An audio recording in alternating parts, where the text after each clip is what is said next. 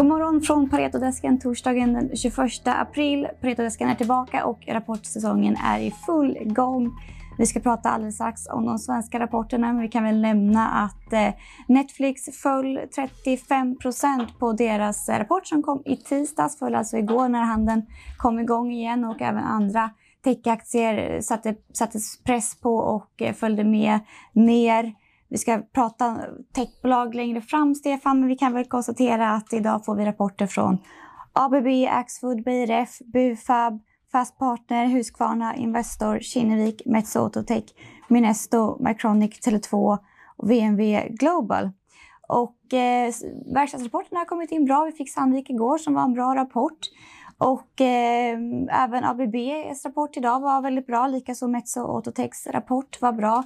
Vi släppte en verkstadssektoruppdatering igår där vi lyfte fram just Sandvik, ABB, Volvo, Metso och eh, SKF som några av våra favoritcase i sektorn. Så det blir spännande att följa resten av verkstadsbolagen. Men nu ska vi prata Tele2, BMW och Kinnevik. Stefan, Tele2 kom in ungefär i linje med förväntan. Ja, eh, precis. Helt i linje på topline. Så där stabilt och så något bättre på ebitda-nivå både mot eh, oss och eh, marknaden skulle jag beskriva det som.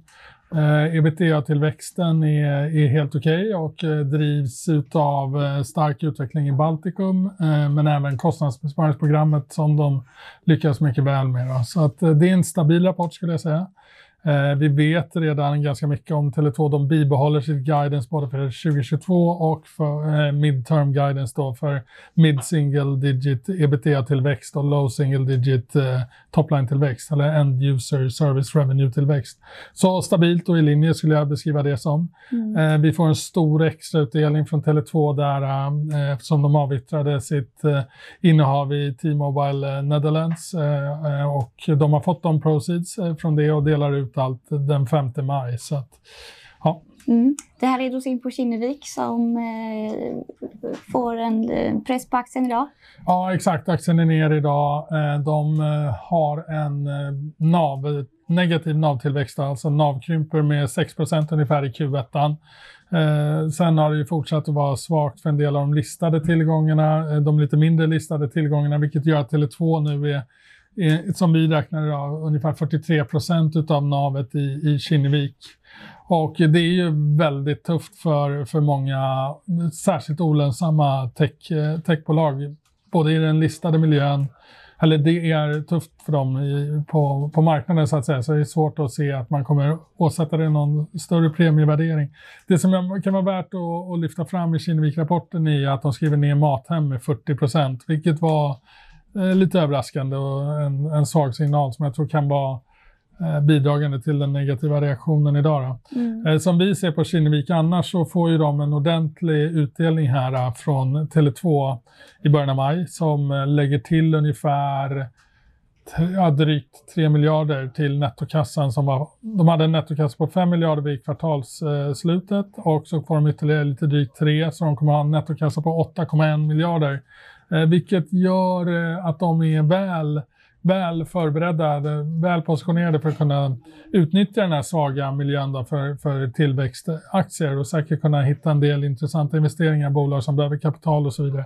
Så att eh, Kinnevik, eh, även då det är navpress i bolaget så ser vi att den starka finansiella situationen är, gör att de är hyfsat eh, välpositionerade trots den, den svaga miljön. Mm, och eh, VNV Global har ju haft det tufft i år. Ja. Hur ser rapporten ut? Eh, blodigt, eh, verkligen. Där i deras NAV krymper med 16 procent i dollar och 13 procent tror jag var i SEK. Men det kommer vara ytterligare press där, för de har ett innehav som, som heter Swivel, som de noterade vid en SPAC efter kvartalsslutet. Och eh, den spacken är ner 57 procent, alltså kommer ytterligare någonstans eh, 4-5 procent press på navet därifrån. Så jag skulle säga att rapporterade navet är ner 20 procent. Sen i, i deras fall så Get skriver de ner med ja, nästan halverar värdet där. Eh, vi hade korrigerat för och tagit ner det med 20 procent innan rapporten, men det, det åkte på ännu mer stryk i rapporten. Och BMWs portfölj är ju, vi tycker det är många intressanta tillgångar i den, men, men det finns eh, både geografisk exponering som är ofördelaktig för tillfället eh, och eh, ja, det är ganska långt ifrån att man kan se att, att, att det kommer bli rikare värderingar i, i listad miljö. Så att mm. det kommer vara utsatt där. Å andra sidan så har vi aktierna handlats i en 15% i discount i genomsnitt de senaste åren och nu ligger discount på, som vi bedömer det, till navet på 50% Så att mm. det, det, här är ju mer än väl reflekterat i den svaga aktieutvecklingen. Aktien är ner nära 60 eh, från årsskiftet. Så vi, kommer ju, menar, vi ser ju långsiktigt på VNV och tror att det finns betydande Eh, potential i, i aktien. Men man, i, det, i det korta perspektivet är det väldigt svårt att se, se mm. starka triggers. Då.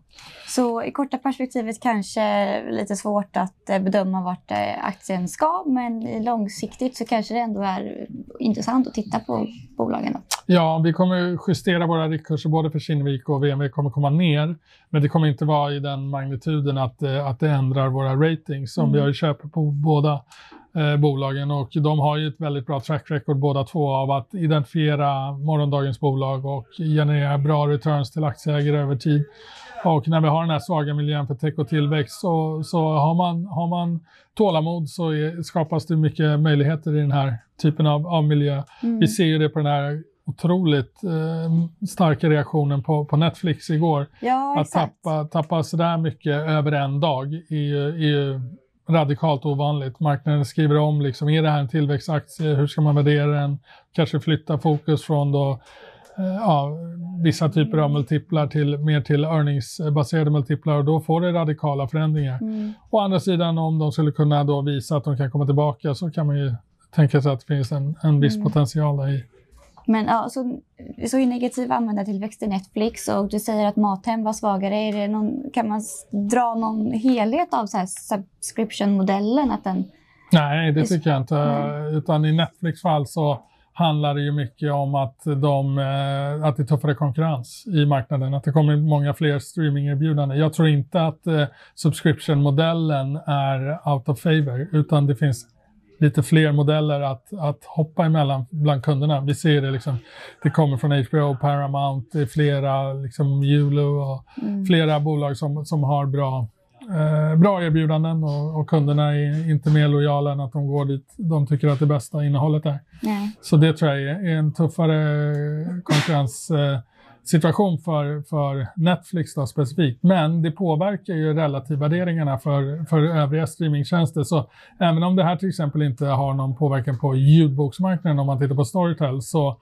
påverkar ju om Netflix har gått från att ha en EV sales multiple på norr om nio gånger sales i, i slutet av förra året ner till 3,3 mm. för tillfället. Och eh, ja, det, det gör, liksom begränsar uppsidan för de andra. Vi har sett Spotify kommit ner från fy, lite drygt 4 i november förra året och de är på 1,6 eller något sånt nu. Så att det är radikala förändringar i värderingarna och det, det påverkar även om, om liksom konkurrenssituationen för ett bolag som Storytel inte har förändrats på grund av Netflix mm. så har eh, sättet man värderar den här typen av bolag förändrats och det, det påverkar. Mm. Ja, det blir spännande att följa resterande rapporter. Det är alltså full fokus på rapporter från oss här på analysavdelningen. Tack så mycket och vi hörs imorgon.